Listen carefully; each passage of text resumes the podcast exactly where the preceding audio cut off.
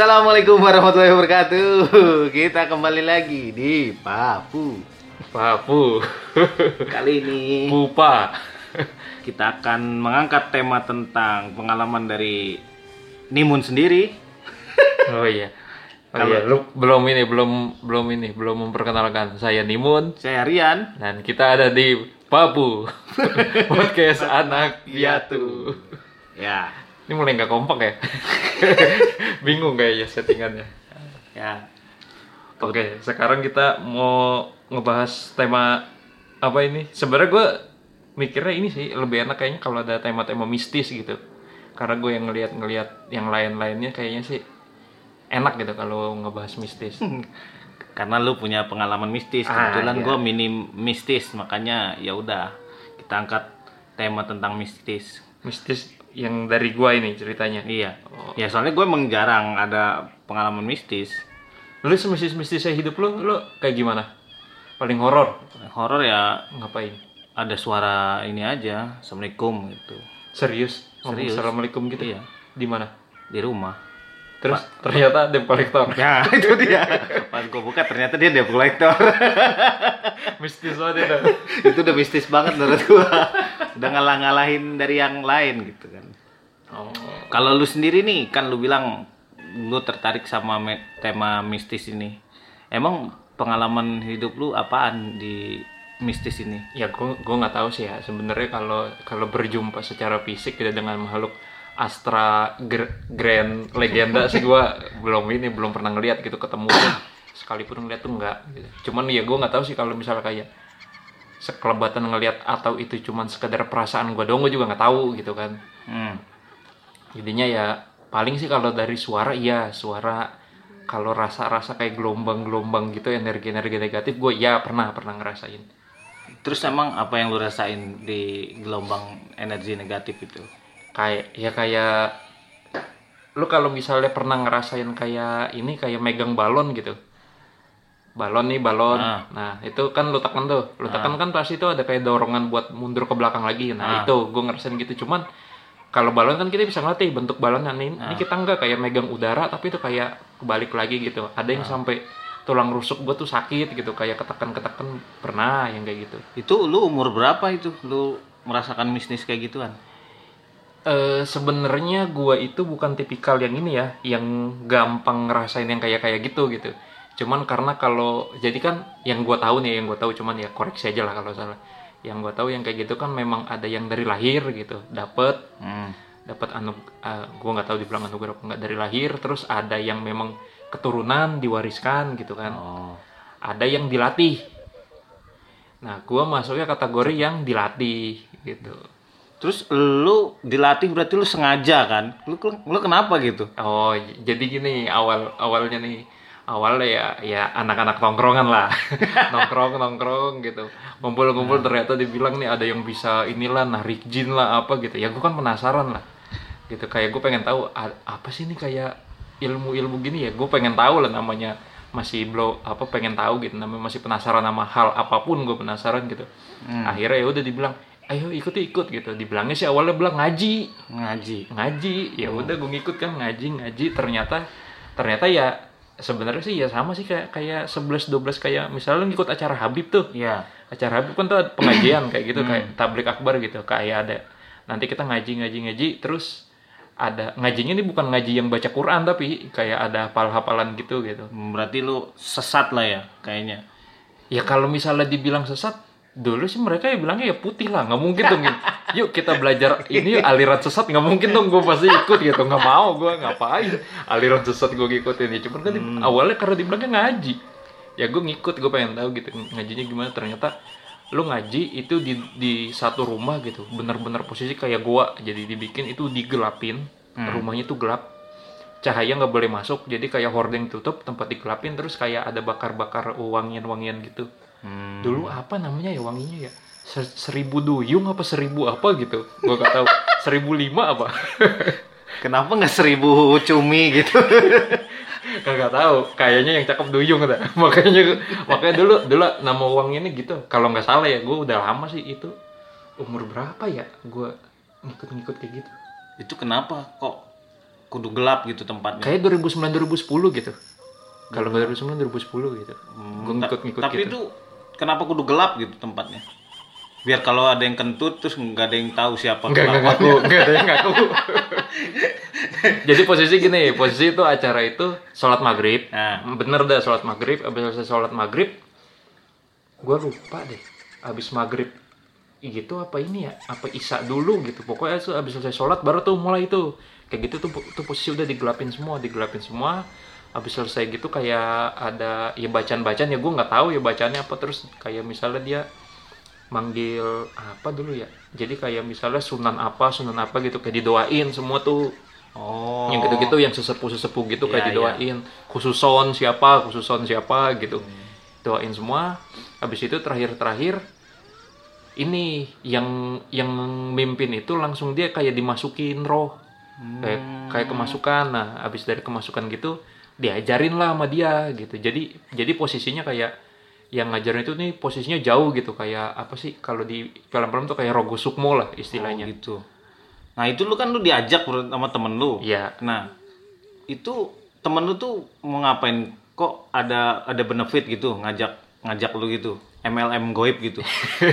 Iya, iya awalnya kan nih pasti ya namanya ini ya namanya kayak yang yang apa namanya remaja-remaja pada labil pada waktu itu gitu. Ya kayaknya awal sih gaya-gayaan menurut gue sih. Oh. Jadi jadi gini pertama gini, lu lu percaya nggak sama hal-hal gaib? Nggak percaya gitu, nggak percaya. Iya. Lu bener nggak percaya? Allah kan maha gaib, dia bilang gitu. Berarti lu nggak percaya dong sama Allah kalau lu nggak percaya sama gaib. Gue kan digituin, lah, lah gue langsung ngedon lah. Set, siapa bilang gue percaya sama Allah? Gue kan digituin, ngancemnya. Berarti dijebak pakai dengan bawa-bawa maha gaib berarti Iya, ya, ma- maha gaib. gitu. Berarti lu harus percaya sama yang gaib-gaib. Gue digituin kan, dia bilang. "Eh, ya kalau lu percaya sama gaib nih coba pegang tangan gue. Salaman tuh gue. Salaman pertama salaman. Habis udah salaman, berani gak lu? Megang air keras digituin. Lo ogah najis gue gituin kan. Kagak berani. Percaya gak sama gaib? Kalau lu percaya sama gaib udah pegang nih. Percaya sama gue. Pasti lu gak ngapa-ngapa. Dia ngomong gitu. Abis, abis dari situ dilemparin duit koinan tuh ke air keras Ah. dilemparin langsung ini kan keluar asap tuh ces gitu semua mendidih kayak mendidih percaya nggak kagak abis itu tangan gue dipegang dipaksain dicelupin abis dicelupin nggak apa-apa tangan gue kagak ini nggak nggak melepuh nggak apa masuk air keras. Nah itu gue cobain. Nah, dari situ langsung wih anjir bener berarti gue udah tekbal air keras. Berarti itu itu koin ini diisi sama apa biang es apa itu? Jadi ngebul tiba-tiba begitu. ya lu coba dah nanti dah lu beli air keras lu celupin koin dah. Kalau lu kagak percaya. Emang yakin itu dia air keras sudah lu coba dulu karena ini meleleh apa enggak? Ya kan itu. Sebelum gue pegang itu, sebelum gue tangan gue dicelupin, dia dilemparin koin dulu, mendidih di situ. Cuma koin, Iya. ada tempat lain. Iya terus uji cobanya apa lagi Ya, siapa- kan? Siapa tahu Cuman ada koin doang. besi gitu kan, terus kalau dilemparin ke yang Kagak ada. hitam enggak. jadi putih gitu. Enggak kan. enggak, cuman koin doang. Pokoknya duit duit koinan aja. Nyoba pakai duit koinan mendidih. Gue nyoba kebal bisa gitu ya ini mah sebentar doang paling mah 5 menit 5 menit atau 10 menit udah hilang gitu. Jadi kayak di gue salaman terus sama dia kayak dibaca-bacain nah dari situ akhirnya gue ngikut tuh ngikut-ngikut pengajian gitu nah ya, yang seru nih yang pemimpinnya ini kan dia kan dimasukin ini nih dimasukin roh sama yang orang nggak tahu dari mana gitu Iya. Nah dari situ gue diajarin situ, jadi kayak ajaran baca bacaannya gitu. Jadi kayak tiap malam tuh harus ada bacaan jikirnya tuh beda gitu, beda dari dari jikir jikir yang orang-orang biasa pada umumnya gitu. Jadi jikirannya beda, dibaca itu kayak lu harus minimal tuh seribu kali lah baca dalam sehari minimal. sehari. Ya bisa lah kalau Malam. Kudu malam apa siang Ya, sore gitu. bisa bisa dicicil bisa dicicil udah gitu sama gue disuruh puasa puasanya itu Mutih. ya puasanya puasa mutih puasa puasa puasa mutih gitu Terus? ah kan jadi ada tingkatnya kayak puasa mutih puasa apa pokoknya gua itu pertama bukan mutih dulu jadi pertama itu puasa yang makanan yang ini yang tak bernyawa Tak gitu jadi bernyawa. jadi gue tuh cuman boleh makannya itu cuman yang tidak tidak bernyawa sama garam. Pokoknya garam gue nggak boleh makan terus sama sama vegetarian intinya gitu sih. Vegetarian. Jadi lo kalau makan daging telur susu gitu olahan-olahan Itu nggak gitu, boleh. itu nggak boleh. Jadi cuman makannya paling kayak misalnya ini bisa saya acara patu patungan kan nih patungan Iya. kayak ceban pertama gitu kan. Kalau Iya. misalnya tongkrongan biasa kan misalnya anggur gitu kan. Ini enggak gue beli pecel lele. Cuman karena nggak boleh makan lele lo bayangin uang empat puluh ribu gitu empat puluh ribu sampai tujuh puluh ribu itu cuman beli tahu sama tempe doang. Terus minta sambal sambalnya banyakin sambal pecel ya. Udah dari situ tuh ngeliwet jadi makannya gitu doang. Oh. Terus ap- lu selama berapa ha- lama itu ikutan hal-hal kayak gituan? tahu dah kayaknya setahunan deh ada. Kayaknya ya cuman gue lupa. Ada perubahan dari hidup lu? Lu bisa ngilang apa lu bisa menghilang dari mantan atau menghilang dari debt collector? jadi jadi waktu itu gue sempat pernah mimpi dan gue nanya sama gurunya dan gue diiyakan benar gitu bahwa itu benar jadi ada kuntilanak yang demen sama gue semenjak gue ngikut gituan Kuntilanak. sumpah Jadi Sumpah. yang lu dapat selama setahun lu digebet kuntilanak.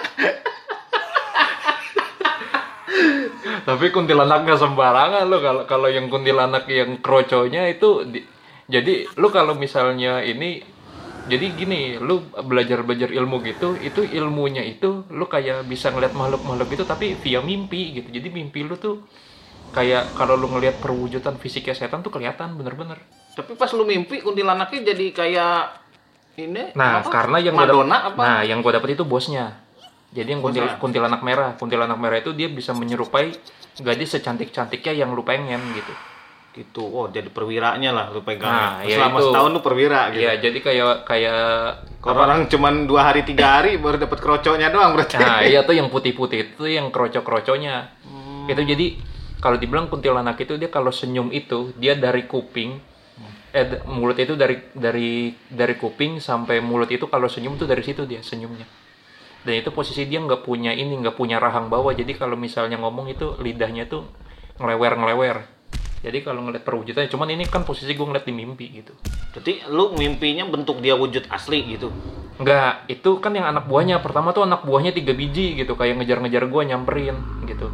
Jadi habis kayak gua disamperin sama tiga, tiga kuntilanak putih, gua lari tuh refleks pokoknya itu posisi di mimpi sih ini cerita mimpi gue. Jadi posisi gua refleks lari, gua kayak nyempit-nyempitin batu, terus pas gua lari sampai mentok ujung ujung tiang listrik gitu.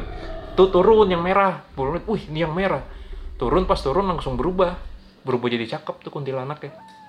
Terus terus kayak kayak diomongin lah dibilang gue demen ini. Nih lu mau nikah nggak sama gue gue digituin di mimpi gue Terus di mimpi lu lu mau. ya kagak. ya ya ya sekarang gue langsung bangun tuh posisi bangun. Gue nanya lah habis itu nanya gue mimpi begini begini dibilang oh iya bener ini. Gitu iya ada yang suka ini juga kema- kamu ke mana-mana tuh dia ngikutin kamu dibilang gitu gue digituin Set, lu lu lu nggak horor itu lu. Nah, ma- gitu. nah makanya coba lu bayangin aja. Ngedon gua dari situ. Cuman dibilang nggak apa-apa orang dia suka gitu, suka jadi nggak bakal mencelakain kamu. Cuman posisinya pas di situ memang gua setiap kali gua berhubungan sama cewek itu susah, susah banget. Ampun ampun mati banget susah. Gua nggak tahu apakah karena dihalangin gitu karena tuh kuntilanak demen sama gua. Jadi jodoh gua dipersulit atau bagaimana ya. Gua nyari cewek susah posisi pas di situ tuh susah nyari cewek. 2009 2010 lu kayak gitu. Iya.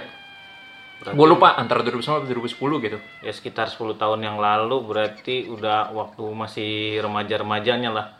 Ya, ya itu ba- baru-baru masuk kuliah lah itu. Gue diajakin.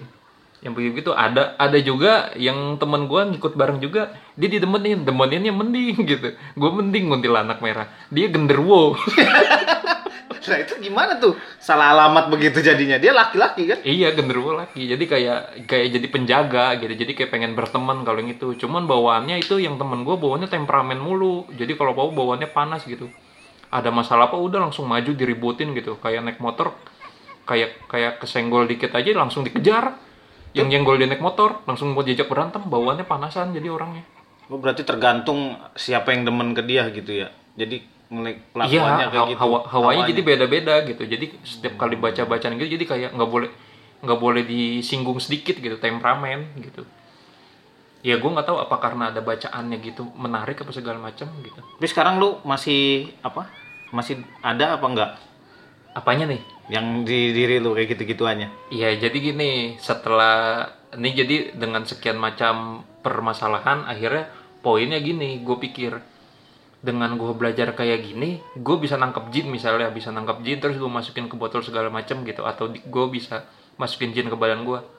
Terus untung buat gue tuh apa gitu apa duitnya tuh kagak ada gitu lu pas ma- mainin jin gitu ngerjain jin misalnya nih anggaplah gini lah nih jin nih dari jauh-jauh gitu kan dari mana lu tarik nih jin lu tarik terus lu masukin ke badan orang kan? Hmm. lu masukin ke badan orang habis lu masukin ke badan orang lu tanya-tanya. Nah, nah sekarang lu pikir lu balik posisinya.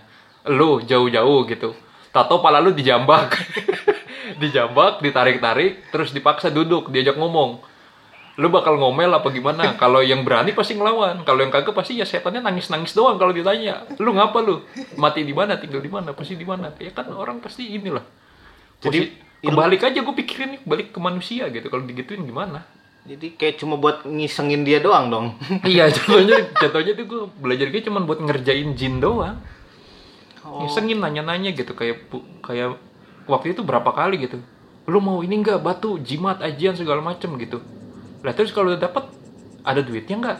Terus kalau ada duitnya berapa? Dapatnya bisa langsung nggak? Kan kagak. Akhirnya lu bisa lepas kayak gitu gimana? ya udah gue cabut aja. Cara nyabutnya?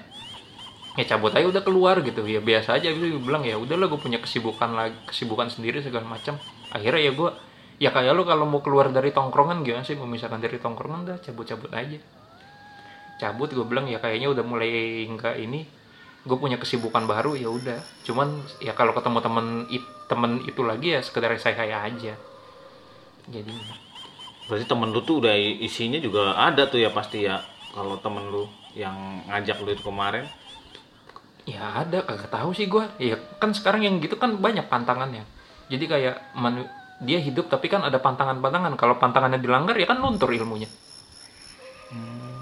Yang nggak boleh onani lah, terus nggak boleh makan daging apa segala macam deh. Tapi waktu tertentu ya terus nggak boleh makan apa banyak pantang-pantangannya. Ya kalau dia ngelanggar ya hilang lagi. Akhirnya dia harus ngulang lagi itu treatment itu kayak misalnya puasa 40 hari ya dia harus ngulang lagi 40 hari jikiran lagi gitu-gitu lagi. Kalau lu dulu pantangannya apaan? Ya itu tadi yang gue bilang, paling gitu-gitu doang sih. Cuman kalau dari sisi makanan terus sama ya karena dibilang itu aliran agam aliran yang putih gitu ya. Berarti yang hal-hal yang melarang secara agama nggak boleh semua. Gitu ya kayak miras terus terus misalnya masturbasi sendiri terus kayak bersetubuh sama perempu, eh, perempuan tapi belum ini belum muhrim ya itu nggak boleh yang begitu-begitu sih pantangannya Masturbasi sendiri. Berarti di, kalau waktu lu masih ikut kuntilanak yang masturbasi gitu. Dimasturbasiin gitu kan. Gak tahu dah. Dulu pernah pernah gitu. Cuman ya gue gitu berpikirnya setelah gue pikir ya gue udah manggil manggil jin gitu. Berapa kali gitu gue kayak narik narik jin segala macem gue bercandain itu dari pagi sampai malam. Am- sampai gu- sampai gue ajakin ribut pernah. Emang ngapain lu jin? Lu tau ajakin ribut. jadi kayak temennya nih gue tarik gitu. Terus yang teman-teman tongkrongan jinnya pada nggak terima Oh, dia nyamperin lu langsung. Nah, akhirnya langsung banyak tuh, banyak banyak banyak kumpulin. Gue cabut, habis itu pindah tuh, gue pindah tongkrongan ke tempat temen gue. Itu semalaman, itu dari jam 1 sampai jam 4 Nah, Itu ini kayak dibilang itu sem- eh, jin itu kayak ngumpul gitu semua, ngumpul gitu kayak nyamperin nyamperin gue sama temen-temen gue. satu malam tuh sampai Iya. jam 4 subuh. Ya, jadi dibilang lu mau pulang ya udah kalau mau pulang ya nanti kalau kalau misalnya ada apa-apa ya nanti lu ngurus sendiri ya di rumah apa di jalan. Ya akhirnya kan kita ini dong ngumpul di satu rumah dong. Itu yang, yang ngomong gitu siapa? Yang ngomong gitu? Ya itu yang ini yang ketuanya lah. Ketua jinnya? Enggak, ke- ketua ininya, ketua Tongkrongan. ketua tongkrongan yang Manusia tapi itu. Iya, yang yang ngajar-ngajar Gua kirain- yang ngajarin awal itu yang pertama kali dia bisa masukin ke badan dia gitu. Oh. Gua kirain jinnya lu mau pulang? Ya gua nih gua pesenin ojek ya dari sini. Jin ngojek gitu dia gua bingung tadi. Kagak jadi jadi itu pokoknya ngumpul tuh semua. Habis udah gitu gue bilang ya udah ya udah ya udah sekarang lu semua maju lu sama gue gue gue gue fuck you fuck you in jin. Nanti lu berantem kayak ini dong kayak sendirian gitu gulat gulit gitu. Iya, gue gue goyang gue gitu. gue gue gue bilang, eh di mana mana nih yang namanya manusia derajatnya tuh lebih tinggi daripada pada lu semua. Lu lu tuh lebih rendah. Gue gituin, gue gue kata-katain najis lu semua. Pokoknya poinnya gue ngerendahin mereka berarti lu semua deh. egois lah ya lu poinnya bener-bener lu wah Iya, gua tinggi Iya, gitu. iya pokoknya ya manusia tuh harga. Tuh Jin kagak ada ngomong lah gua juga pengen jadi manusia cuman gua salah masuk pintu begitu apa gimana ya pokoknya gue bilang itu harkat martabat gue lebih tinggi lah daripada lu semua gini kalau emang emang lu pada jago lu masukin badan gue lu rasukin badan gue siapa yang paling kuat ayo jadi gua lu gituin itu agak sombong tuh ya di situ Iya, abis gue baku-bakuin, abis itu langsung tuh gue sila, ayo siapa yang bisa gue gituin kan. Gue langsung narik napas. Itu dari leher sampai sampai kaki gue itu gue nggak bisa ngontrol badan gue sama sekali. itu lu sila tuh maksudnya lu ngajak sila gitu ngajakin jinnya sila emang jinnya itu pahanya gede nggak bisa sila Enggak. gua kira lu ngajak ngajakin karena jinnya oh pahanya gede nih gua ajakin Kagak, sila bisa enggak, kagak gitu enggak, jadi ngetesnya gini, kalau lu bisa ngerasukin gue full berarti lu menang, gue kalah gitu. Makanya gue Oh, duduk gitu. duduk sila, ayo gitu. Iya. Lu masukin semua lu satu peleton peleton masukin gitu ke badan gue. Itu baru sampai leher, cuman dari leher leher ke kepala gue masih bisa kontrol. Itu di bawah itu udah gue nggak bisa kontrol. Oh Gue ajak berantem dibilang, uh tuh coba dah. Sampai temen gue bilang coba dah lu rasain dah gitu. Jadi kayak dia kayak main balon gitu lagi. Jadi itu Ah. satu ruangan kayak lo kalau megang megang apa kayak ngedorong angin aja pasti ada perlawanan semua gitu. Hmm. Itu di di satu kamar itu doang cuman posisinya. Jadi gitu karena posisinya nih kita kita mau balik Ah. takutnya nanti di jalan kenapa-napa atau misalnya posisinya lagi di rumah sendiri tak tahu lagi ada masalah kan kita nggak bisa saling backup. Tapi kalau karena kita rame-rame kita bisa saling backup gitu. Nah poinnya sih situ. Akhirnya udah diselesain sampai jam 4 pagi. Selesai selesai kayaknya saya tadi udah capek juga dah pada balik udah mau udah mau pagi. Iya udah, udah jamnya dia cabut pulang. lah cabut gitu Iya. kan balik. Udah ngantuk dianya istilahnya. Balik udah lah udah selesai. Abis selesai selesai berantem tuh pokoknya kayak selesai berantem akhirnya baru tuh tidur tidur bangun jam 9 baru gue pulang. Udah udah normal lagi itu sih kasus kayak yang paling ekstrim itu dah masalahnya temen gue temen gue satu adanya sipul itu ke- kemasukan kemasukan macan. Lah dia ikutan juga tuh? Iya iya. Itu orang sampai ngiler ngiler di ini di situ sampai ngiler ngiler jadi ini. Itu macan stroke apa gimana? Kagak tahu, ya anak macan kali gue kagak tahu. Biskuat anak macan. Kayak kemarin anak macan sampai ngiler-ngiler. Kayak kita pakai baca-bacaan, kita tusuk gitu kayak ki- kayak kita tusuk ininya kayak iganya gitu. Dia mau maju ke kita, kita bacain dia mental. Tapi dalam bentuk masuk ke badan orang ya, dia mental terus. Terus kayak apa namanya ulu hati gue ketekan gitu. Pas pas dibilang oh itu ini lu diserang juga gitu. Makanya ulu hati lu sakit kan? Iya. Jadi kayak ketekan tuh kayak kram. Gimana sih ulu hati lu kram atau pinggang sini lu tuh kram gitu? Jadi nggak bisa gerak diem gini aja jadi misalnya badan lu bengkok nih bengkok terus gitu. Ya kaku nggak bisa dia. lurus-lurus iya sakit. Kayak gitu posisinya. Iseng juga lu ya dalam zaman muda lu. Mainan semua kayak gitu-gituan. Ngerjain jin sih jatuhnya ngerjain jin. orang tua lu tahu kagak lu mainan kayak gituan? Ya kalau tahu pasti gue diomelin. Gitu aja sih. Jadi nggak tahu tuh di rumah Kagak lu nggak ada apa melakukan apa hal-hal yang aneh-aneh kelakuan lu di rumah? Ya Apa paling- tahu lu bisa Iya sekarang gini sih eh anak lu bangun malam nih sholat tahajud habis sholat tahajud cikir terus orang tua mana yang larang gitu loh. Oh, jadi- Ta- tapi kan orang tua gue nggak tahu bacaan zikir gue apa gitu. Apa yang gue baca terus kayak gue nih di tempat gelap nih habis gue pasti kalau setiap sholat tuh dulu bangun tahajud setiap sholat pasti lampu posisi gelap semua. Nggak pernah gue kayak kayak gue terang terangin gitu. Emang kayak lebih enak aja gitu lebih nyaman gitu. Sama gue ada lagi temen gitu. Cuman beda kayak beda perguruan lah segala macam gitu. Dia kan juga ngerti gitu yang kayak gitu gitu Iya. jadi dibilang gini lu ngapain sih lu? Mau ngaji mau mau kayak jikir-jikir segala macam tuh harus pergi ke gunung mana ke gunung mana. Dia jalan gitu ke gunung. Terus gue tanya ngapa sih lu? Kok lu ngelakuin hal-hal kayak gitu gitu? Kan sama aja namanya ibadah mah di mana aja kali nggak usah harus naik ke gunung gunung atau segala macam gitu. Ya gimana mon posisinya sekarang kalau gue kayak pergi ke gunung ke gunung atau ke goa mana gitu gue tuh kayak merasa lebih dekat sama Allah dia ngomong begitu ya gue diem dong nggak bisa ngomong apa-apa Terus kalau gitu semua puncak penuh no. Pada kata a- a- ataun ya kan orang pada sholat di ataun gitu. Kalau punya pemikiran kayak dia, kepercayaan kayak dia, iya iya di ataun bisa penuh itu. Gitu bahaya malahan. I- iya cuman kan kalau dia emang bener-bener kayak masuk ke goa mana ke goa mana gitu ya gue nggak tahu sih itu kayak itu mistis atau enggak ya gue nggak tahu cuman dia dia bilangnya gitu dia merasa lebih dekat ya gue nggak tahu sih yang deketin siapa Di gunung sama di ini ya model-model makhluk begituan yang deketnya setahu gua. Iya iya, makanya kan makanya kan gue bilang gitu ke dia. Lo mau ibadah di mana sama aja kali gitu kan. Yang penting kan diterima sama enggak. Terus dia jawaban dia gitu ya, gue nggak bisa balas lah. Dia ngomong gitu. Coba kalau lo dibilang begitu, lo balas lo gimana? Dia merasa lebih dekat gitu. Apa jawaban lo? Ya gue bilang gini, iya sih lu lebih dekat dekat sama yang maha kuasa, lu kalau jatuh kepleset ya kan. Bener-bener dia, ya kan dekat sama malaikatnya, malaikat Israel. Oke. Iya mati bisa bisa. Eh serak gua. Jadi apa namanya itu usia remaja lu ya mistis. Kalau waktu usia kecil lu nggak ada ya.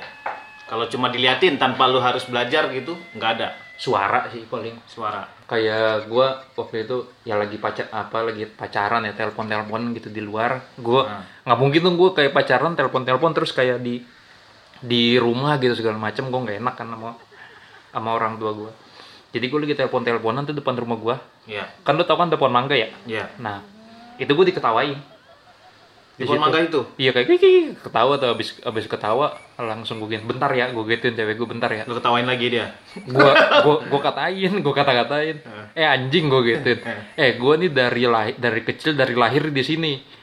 Lu tuh paling di sini dari kapan gitu? Belum tentu lu dari lahir di sini gitu. Lu tuh pendatang. Gue nih dari lahir gue gituin walaupun umur dia lebih tua gue logika gue gue dari lahir di sini belum tentu dia dari lahir di situ di, di pohon itu juga gitu Itu tahu dia outsourcing ya kan di situ. iya bisa jadi kayak dia tek tek operan pohon kan sama kuntilanak sebelumnya kita kan nggak tahu Suaranya jelas tuh dia. jelas ketawa abis dari gitu langsung gue sambit gue sambit tuh gue sambit pakai itu terus gue kata-katain gitu terus gue telepon teleponan lagi itu sebenarnya sih dalam hati gue cedat cedut cedat cedut cedat cedut Kirain lu disambit terus sambit balik. Enggak ya. masalahnya sebelum itu ada yang pernah ini ngelihat ngelihat kuntilanak juga di situ gitu. Berarti itu pok- pokoknya belokan rumah gue tuh angker di situ. Belokan rumah gue ada yang pernah ngeliat pala buntung juga di situ. Itu posisi yang ngeliat pala buntung orang mabok. Jadi dia mabok pulang. Lewat situ dibilang ada pala buntung lari dia. Nah, halusinasi dia doang kali namanya orang mabok. Ya nggak tahu tapi semenjak dari situ kan langsung orang pada kagak berani keluar keluar malam lagi. Gua kira semenjak dari situ orang palanya pada buntung semua.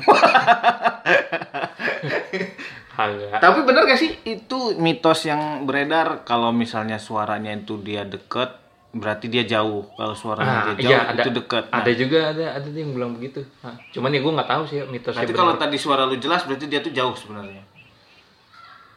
Iya ngerintih gitu suaranya masalahnya ketawa ketawanya tuh. Tapi gue tahu posisinya tuh da- ada di pohon gitu. Hmm. Terus pernah juga gue malam-malam lagi bersihin kipas angin gitu kan nggak kalau gue bersihin di dalam kan ini gue males nyapu. Iya. Akhirnya gue depan gerbang tuh bersihin. Nah, Diketawain lagi gue. emang kenapa? Ya gue gak tahu, gue lagi bersihin kipas angin lucu kali kocak gue. Mungkin gini kali ya kata kuntilanaknya. Eh, ini udah tuh tahun berapa? Lu masih main kipas angin. Ada AC gitu. Pokoknya tuh gue malam jam berapa? Jam 9 apa jam 8 gitu. Dari situ gue langsung lari tuh, lari gue ke kamar, eh, langsung ke dapur gitu. Nah. Lari gue ngiber terus, gue gue deg-degan jantung cedut cedut cedut gue. Gue pikir majuin gak ya, majuin gak ya. Akhirnya gue ngambil gayung, gue ngambil gayung, gue ke depan tuh. Habis ke depan gue siram aja pakai gayung.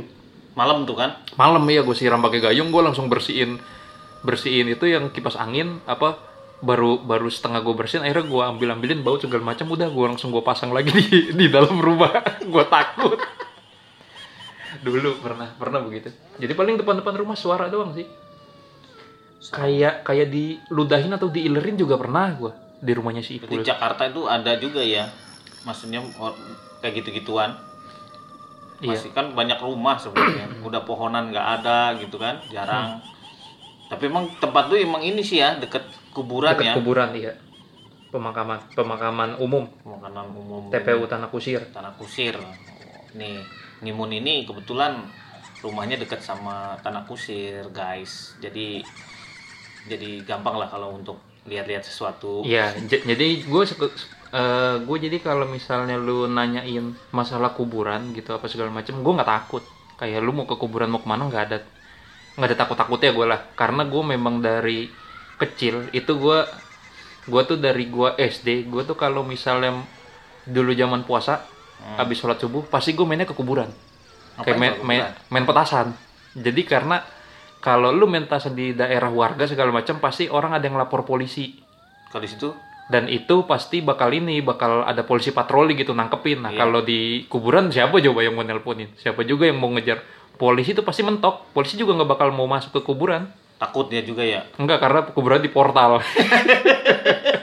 Karena kan masih pagi gitu. Jadi di portal. Di portal tuh sampai jam 6 pagi aja. Berarti lu kalau misalnya main petasan gitu ya adalah jinnya yang lapor ke Gundurwo. Ini gimana ini? Ya, bocah-bocah. Ya kan posisi gue bulan puasa. Oh, bulan Mas- puasa. masih diketik-ketin setan. Jadi kagak apa-apa. Sama gue terawih tuh. Dulu terawih tuh gue mergokin. Mergokin yang pada pacaran gitu di kuburan ada. Kuburan ada yang pacaran. Ada. Yang siang-siang aja pada tiduran di kuburan juga ada yang tukang bersihin rumput tuh. Tidur tiduran gitu yang begini-begini ya posisi gitu. Tidur tidur santai gitu bertopang dagu di bawah kuburan juga ada. Dulu. Dan gue santai dan kayak gue ngelangkahin injek injek kuburan tuh ya karena udah dari kecil biasa. Ini kuburannya kayaknya nggak serem tuh ya. Kalau dilihat nggak kayak di TV-TV gitu. Kuburannya serem. Ya semua kuburan kayak gitu sih sebenarnya. Ya posisi kalau dia malam gelap ya emang penerangan kurang ya udah. Gitu doang. Yang bikin mistis tuh lo sendiri sih menurut gue kayaknya sih gue enggak jadi mindsetnya orang kembali iya lagi ya. ah. Selama kagak dikasih lihat ya selama nggak diliatin sih kayaknya enggak dah kagak ada serem-seremnya. Apa. Nyi, gimana? Nah, Eh, kita kita eh, bakal kita lanjutin lagi kayak nanti di part 2 kali ya. Ah, ya udah. Kayaknya untuk sekarang Sampai- cukup sampai sini dulu. Oke, amigos parados parmios, wassalamualaikum warahmatullahi wabarakatuh. gua Nimun. Gue Rian. oke kita out. Eh,